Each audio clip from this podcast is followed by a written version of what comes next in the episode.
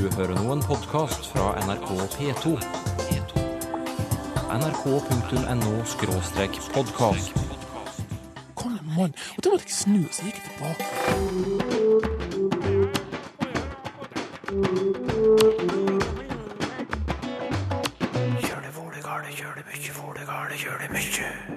Ei bok har blitt til én bok. Hunnkjønn på retur i Tromsø-dialekten. at uh, formen ei på et eller annet vis har fått lav status. Det er ukult å si ei. Fjorden heter Langnuen, men hva er nuen for noe? vassdrag eller basseng eller kumme.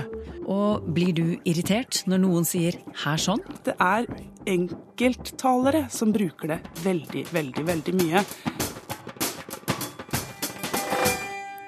Hunnkjønn lever farlig, er en påstand vi har hørt fra språkforskere før. Hva betyr det, Marit Westergård, at hunnkjønn lever farlig?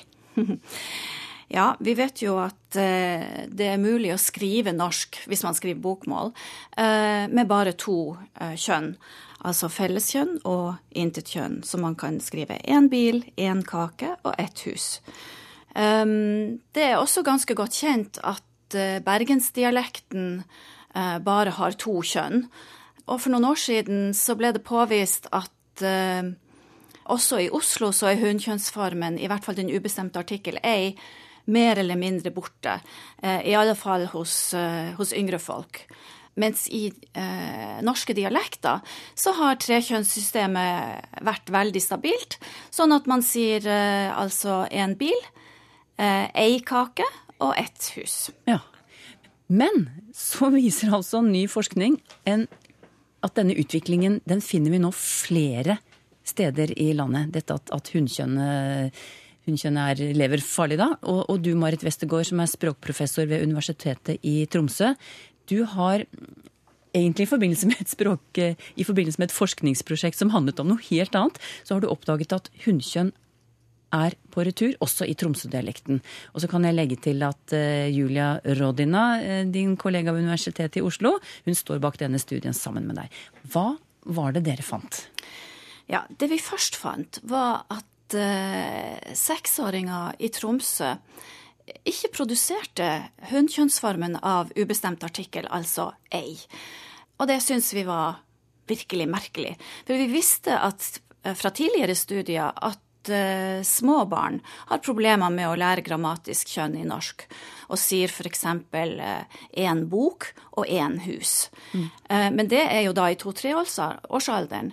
Eh, det vi nå så, var at seksåringer hadde mer eller mindre interkjønnsformen på plass, ett hus, men de drev fortsatt og sa én bok. Så da vil vi undersøke det litt nærmere. Og vi testa tre forskjellige aldersgrupper av Tromsø-unger og sammenligna dem med eh, ungdommer i 18-19-årsalderen og voksne over 30 år. Hva fant dere? og det vi fant, var at eh, mens de voksne, altså de over 30, brukte hunnkjønnsformen ei ved, ved hunnkjønnsord 100 av tida, og sa altså ei bok, ei kake og ei prinsesse, så var det sånn at ungdommene, 18-19-åringene, de brukte denne formen ca. halvparten av tida, litt over halvparten av tida, 60 mens så å si alle ungene ikke brukte hunnkjønnsformen i det hele tatt. Selv 12-13-åringene hadde en så lav prosent som 7, altså 7% ei, og resten av tida så sa de altså én bok og én kake og én prinsesse. Hvorfor var det uventet at disse tolvåringene brukte ei så lite? Det var uventa fordi at i tradisjonell Tromsø-dialekt så eh, finnes det jo et trekjønnssystem. Hvis du ser på de voksne eh, over 30 år, så har jo de eh, et helt annet system enn sine egne barn. Så dette er jo en endring som skjer veldig fort. Og eh, altså, den er komplett i løpet av én generasjon. Men så, det er en ting til dere ser i denne undersøkelsen. Fordi en ting er eh, at de, ei forsvinner, da, men, men den bestemte artikkelen, altså når det, substantivet bøyes i bestemt form entall, da, da blir det ikke noen endringer. Kan du illustrere det? Ja, og det syns vi faktisk også var veldig merkelig. Eh, Den bestemte formen er jo, eller den bestemte artikkelen er jo et suffiks i norsk, sånn at man sier bilen, kaka og huset. Og det vi så, var at uh, ungene ikke hadde noe problem med å produsere disse formene. Uh, så de sa altså én bok boka, og én kake kaka, og én prinsesse prinsessa. Hva, hva kan det skyldes at, eh, at det blir sånn, en sånn blanding da, av hannkjønn og, og hunnkjønn? Ja, altså vi har jo en, eh, en teori om det, eller en mulig forklaring, som eh, har med språktilegnelse å gjøre. Eh, Det er nemlig slik at den bestemte formen av substantiv er på plass veldig tidlig i barnespråk. Allerede i toårsalderen så har man den bestemte formen på plass. Og barn sier altså bilen, kaka og huset, med riktig form.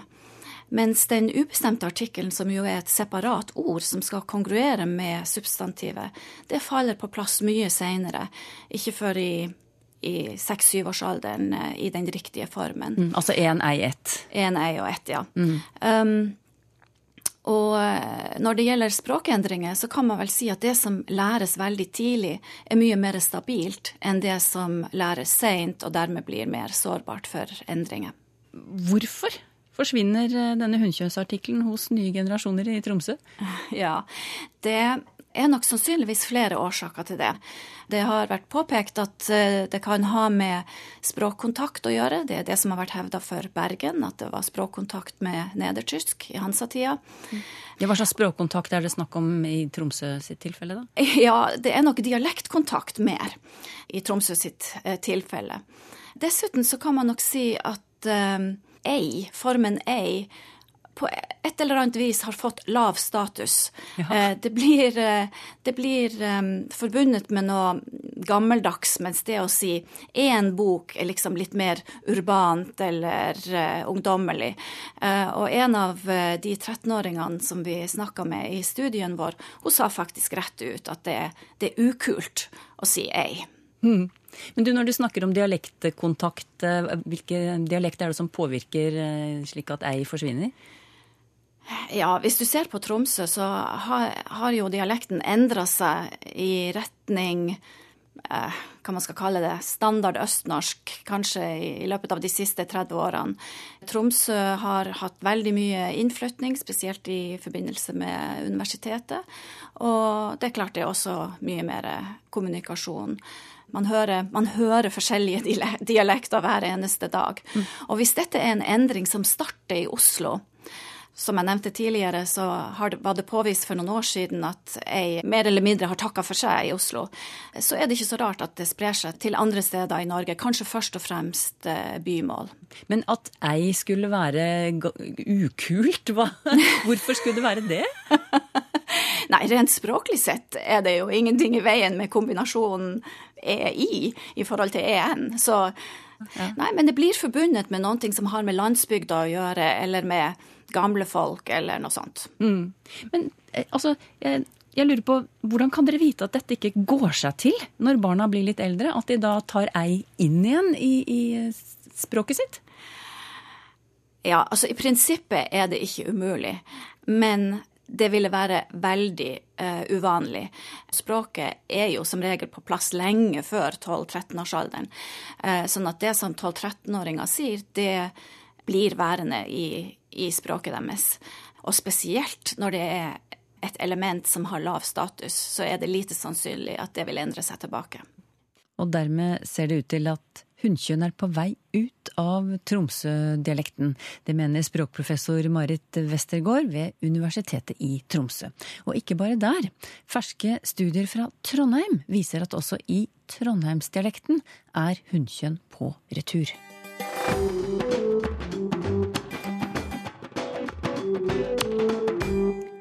Hva betyr 'med hodet under armen'? Dette er et av mange faste uttrykk som jeg vil tro er bedre kjent blant godt voksne enn eh, blant unge. Vi kan teste. Gjøre noe med hodet under armen. Altså, det er et ordtak. Altså, hodet Under armen? Uh, ut, uh, lite gjennomtenkt. Gjøre noe med hodet under armen, da gjør du noe som er litt dumt. Du tenker ikke. Det er ikke litt som å ha strusen med hodet nedi sanda. At du Gjerne manskulerer skulle høre det. Ja, eller Du følger nok med? Eller er det feil? Eh, handle på bok. Det sier meg ingenting. Gjør ikke det, altså? Å ikke bruke mer penger enn det du har. At du har skrevet en handleliste i en bok, og så handler du ut ifra den. jeg aner ikke. Kanskje noe med lesing, da. Tenker jeg, da. Eh, Det at man gjør, gjør det helt riktig. Sånn etter reglene. Handle på bok? At man handler på eh, pengene man har, og ikke på kreditt? Ja, altså, du handler på kritta, du betaler ikke med en gang, og det kan komme grusomt tilbake. Ha det som fisken i vannet. Det vet jeg betyr.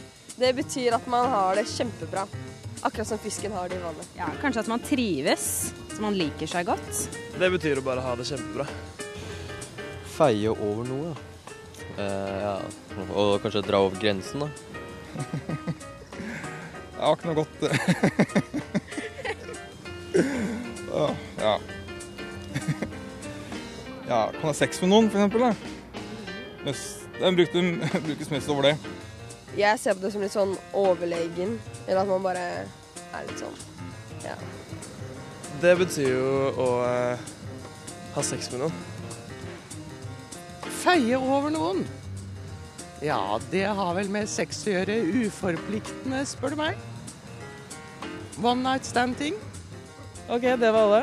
Er det noen av disse uttrykkene du kommer til å begynne å bruke? Nei, egentlig ikke.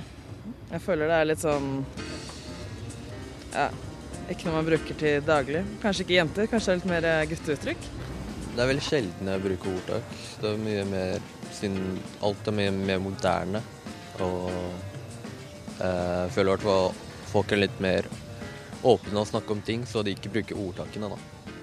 Tja, er det gammeldags å bruke faste uttrykk? Den kan vi tygge litt på. Det var Heidi Våge Rasmussen fra Kulturhuset i P2 som hadde vært ute på gata. Du er ute en sen sommerkveld og setter garn. Sjøen er blank, du har god tid, og så begynner du å filosofere over navnet på fjorden du senker garnet ditt ned i. Sånn var det med en familie som har et feriested på Austevoll i Hordaland. Fjorden heter Langenuen. Men hva betyr nuen, eller nu? Det er Britt Else, Gunnar, Eirik og Maren med familienavnene Knutsen og Sjøøsten som spør. Og de tenker seg at nu betyr noe annet enn fjord, eller så ville vel navnet vært Langefjorden. Og har de rett i det navnet, gransker Inge Særheim? Ja, det må være et annet ord enn fjord, men eh, opphavet til dette navnet er nokså usikkert, vil jeg si. Der, der er noen framlegg til tolking, men eh, ikke, spesielt sikre da. Det er et ord nuv, eh, som betyr kold eller avrunda topp, og det fins det noen navn på høgder og topper, eksempel Nuen eller Nuven, flere plasser. Og vi har òg gardsnavnet Nuland, to, to plasser i Vest-Agder. Så en har kanskje tenkt seg dette her som eh, at det kan ligge før i Langenuen. Men hvordan kan en kolle eller en topp eh, gi navn til en fjord? Ja, da har en tenkt at det kan være de litt bratte og noe avrunda fjellene langs strendene av, av denne fjorden. Mm. Men jeg må jo si det er nokså er temmelig usikker tolking. Andre mulige forklaringer på nu, da? Ja, det er et ord, nu eller nuv, som betyr vassdrag eller basseng eller kumme. Det kunne òg tenkes her, altså. Det er brukt i en del dialekter, annet på Østlandet og i Trøndelag og Nordland. Hvorfor kan det være en sannsynlig tolkning?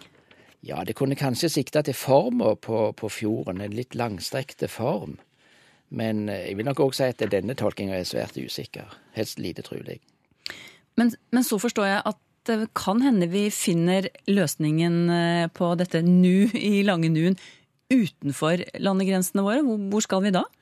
Ja, da skal vi til, si, til lågtysk og frisisk.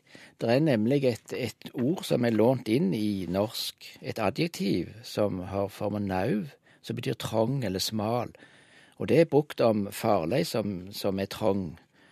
Og det ordet er belagt fra Vestlandet, fra Sunnmøre og, og Nordfjord blant annet. Uttrykket denauve, brukt om en trang passasje. Og vi har et uh, navn på et sund i Nordhordland som heter det naua. Hva kan eh, støtte en slik teori, at, at, det, at det skulle være et nedertysk navn på en eh, norsk fjord?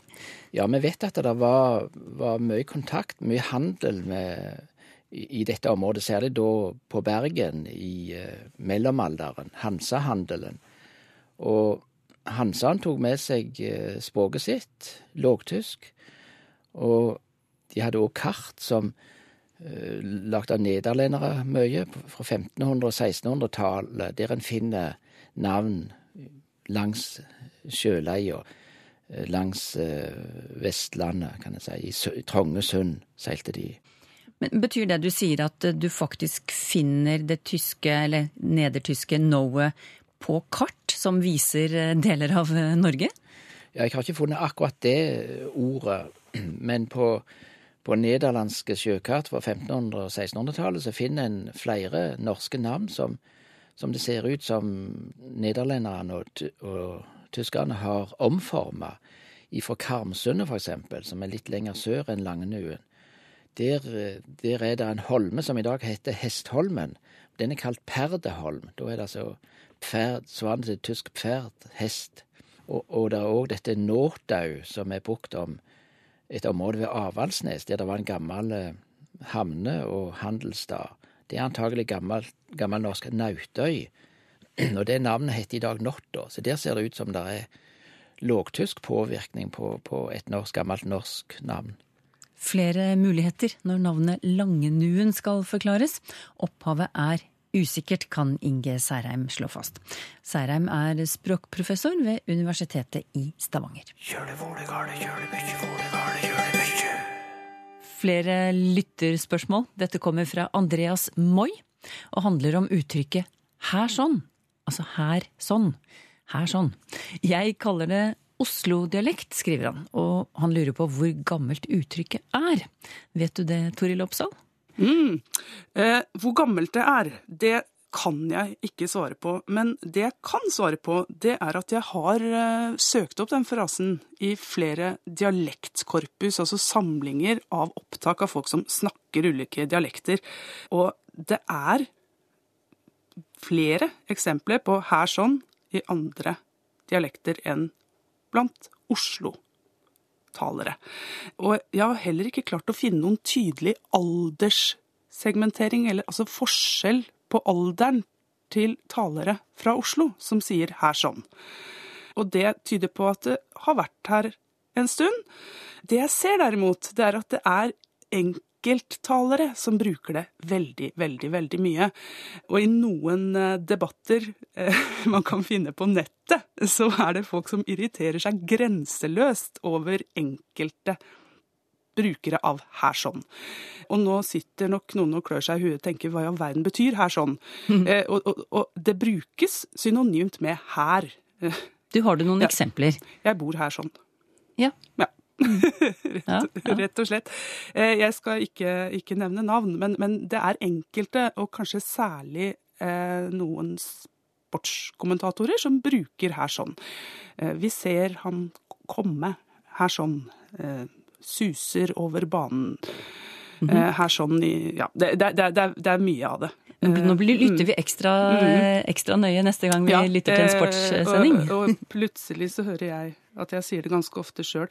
Det er nok litt mer utbredt i østnorsk. Det er det. Det skal jeg si. Og, og jeg skal heller ikke utelukke at dette er et Oslo-fenomen, men det er ikke bare et Oslo-fenomen. Dessverre kan jeg ikke svare Andreas Moi på hvor gammelt det er. Mm. Eh, men, men, at det har vært her en stund, det kan jeg si. Ja, og, det har vært her sånn en stund. Og, ja, men det, det, jeg forstår på deg, da, er at vi kunne like gjerne bare sagt her. Ja, i, i, eh, veldig mange av tilfellene. Det er interessant å gå inn og se om det er tilfeller der her ikke fungerer.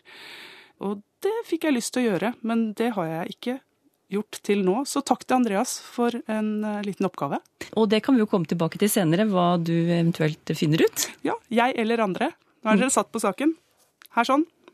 Per Ballangerud kommer fra Hadeland, og han skriver til oss at han er vokst opp med at du raker med ei rake eller rive, og måker med ei snøskuffe.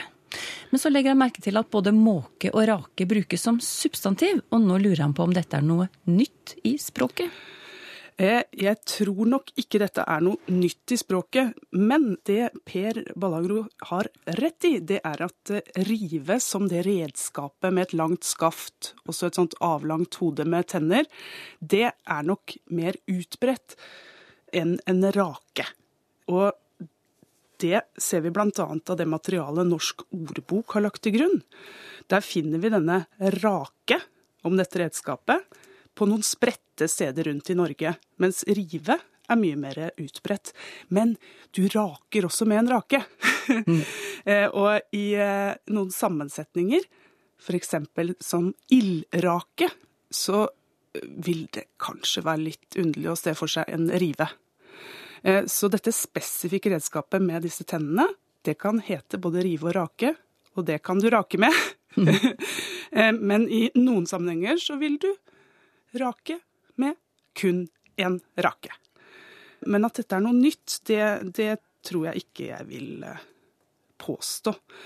Interessant nok med dette andre redskapet han tar opp, Eh, dette med å måke og mm. skuffe, mm. det er at jeg har en nær sagt eh, fortid som ekstrahjelp i en jernvarehandel. Aha. Og der, der skiller de faktisk mellom en måke og en skuffe i noen sammenhenger. Hva er forskjellen? Ja, og Det har jeg prøvd å finne ut av. Eh, altså, man kan, eh, altså, man kan reklamere, som de også gjør, for en allsidig snøskuffe som kan brukes både som måke og skuffe. Og det jeg lurer på her, er om du faktisk kan måke med en skuffe, men du kan ikke skuffe med en måke. så dette må vi prøve å se for oss, tror jeg. Og det er at en måke det er et redskap hvor du skyver snøen foran deg, mens en skuffe har eh, noen sidekanter som gjør at du også kan lempe snø. Eh, den ligner litt mer på en spade. Og når snøen laver ned, og du trenger et ekstra stort redskap, så kan du også få tak i en snørydder. Det kan man. Ja. Eh, så det er ikke helt enkelt, dette. Men Per Ballangerud har rett i måten han bruker disse redskapene på. Men det er ikke den eneste måten å bruke dem på. Geir Hovensjø skriver til oss om noe han sier han hører stadig mer i dagligtale og i medier. 27, for eksempel. Altså en sammenblanding av si, en konservativ eller en eldre måte å si tallene på og en nyere måte å si tallene på. 27. Mhm. Og han syns at det her skurrer. Mhm. For før var det jo enten 27 eller 27. Og så har han en teori om hvorfor eh, noen sier 27. Det er jo mye lettere eh, lydmessig, sier han, fordi 27 det er ikke helt greit for mange. Både kjøslyd tett etter hverandre. Mm. Tror du det er det som er grunnen, Toril? Eh, Geir eh, Hovensjø er det vel som har eh, stilt dette spørsmålet, og han har gitt en strålende beskrivelse av dette fenomenet, syns jeg. fordi her er det nok nettopp en kombinasjon av tungegymnastikk. Nå skal jeg prøve meg å si 27. Det gikk noenlunde. Mm, godkjent. Eh, det er noen lydlige uttalemessige forhold her som gjør at man av og til ønsker å være klar og tydelig, og da ligger 27 den, den er umulig å misforstå. Den, den, ligger der. Men det å bruke den gamle tellemåten, og si 27, den kan uttrykke noe annet. Her, her er det også en form for verditilskriving. Og du er inne på det, Ann. Du, du, du kaller det for en konservativ måte å snakke på. Og i noen tilfeller så, så, så er det ikke det man ønsker, og i andre tilfeller er det nettopp det å uttrykke en moderat norm. Og 27 blir da rett og slett et kompromiss. Eh, det er det jeg gjetter på. Her er det uttalehensyn, og det er et ønske om å uttrykke en, ja, en norm og et visst stilnivå som gjør at 27 blir et hendig kompromiss. Da er jeg ikke veldig konservativ, men jeg er heller ikke veldig radikal. og det blir tydelig å høre hva jeg sier. Nå er det ikke alle som har hørt 27. Ja, da, ja, nei, jeg har ikke hørt det. Nei, og jeg, og jeg, har også spurt et par andre som, som ikke drar eh, kjensel på det. Men, men, jeg, men jeg, har hørt dette, og, og særlig i eh, Ja, nær sagt, eh, jeg ferdes jo ofte relativt ofte i Oslos gater, og der er det en del 27 ute og går. Men jeg tror dette er et hendig kompromiss som tar hensyn både til klarhet og ulike verdinormer. I en tidligere utgave av Språkteigen så snakker vi om eh, historisk presens, altså det å bruke presens i en fortelling eh, for å ja, uttrykke noe som har skjedd et stykke tilbake i tid. Eh, Magne Varslott hørte dette, og han skriver historisk presens, ja vel, men hva med det motsatte? Jeg sier det var fint, det var kaldt i dag. Er det nåtidsimperfektum? Det var et veldig, veldig godt, uh, godt forslag, hva man kunne kalle det. Men uh, preteritum uh, er navnet nå på det som tidligere ble kalt imperfektum. hvis jeg skal finne på et navn på dette, kanskje det heter noe, da må vi fri til noen der ute. Men, men kanskje emotivt preteritum. Oi. Det syns jeg var flott. det handler om emosjoner. Fordi dette å si å, det var fint, og det var kaldt i dag. Det gjelder i de tilfellene der de gir uttrykk for en umiddelbar reaksjon eller følelse. Så det går jo ikke an å bruke dette her i forbindelse med mer nøytrale vurderinger. Fordi hvis du bruker presens her, det er kaldt i dag, så blir det en liten nyanseforskjell. Da blir det en mer ja, det vi kan kalle for en generell karakteristikk. Men når du sitter og spiser den deilige lammesteken og sier 'Å, dette var godt', så er det det øyeblikket der og da du reagerer på. Eh, så dette handler om eh, umiddelbare følelser og emosjoner i nåtid, uttrykt gjennom en fortidsform. Så derav det emotive preteritum. Et forslag. Jeg vet ikke om du liker det? Ja. Eh, spør du meg, så emotivt preteritum det var, litt, det var litt sånn tungt og litt ja, ja, ja, lite Jeg er enig, men det, det, men, men det, var flott, da. Det, høres ut som et fagbegrep. Um, høres veldig imponerende ut. Ja. Men, men om det fins, det tør jeg ikke å love. Men, men det er det det uttrykker. Det uttrykker en umiddelbar følelsesmessig reaksjon gjennom fortidsformen av verbet. Ja. Ja. dette har jeg funnet på sjæl. Ja. det var kreativt. Har du spørsmål til Språkteigen? Skriv til Teigen, krøllalfa nrk.no, eller til Språkteigen, NRK P2, 7005, Trondheim. Så finner du oss også på Twitter og på Facebook. Snakket folk annerledes på 50-tallet? For å motarbeide yrkesnevrose blir det hver dag tatt en pause som nyttes til spesielle gymnastikkøvelser under kyndig ledelse og med grammofonledsagelse. Språkteigen neste gang.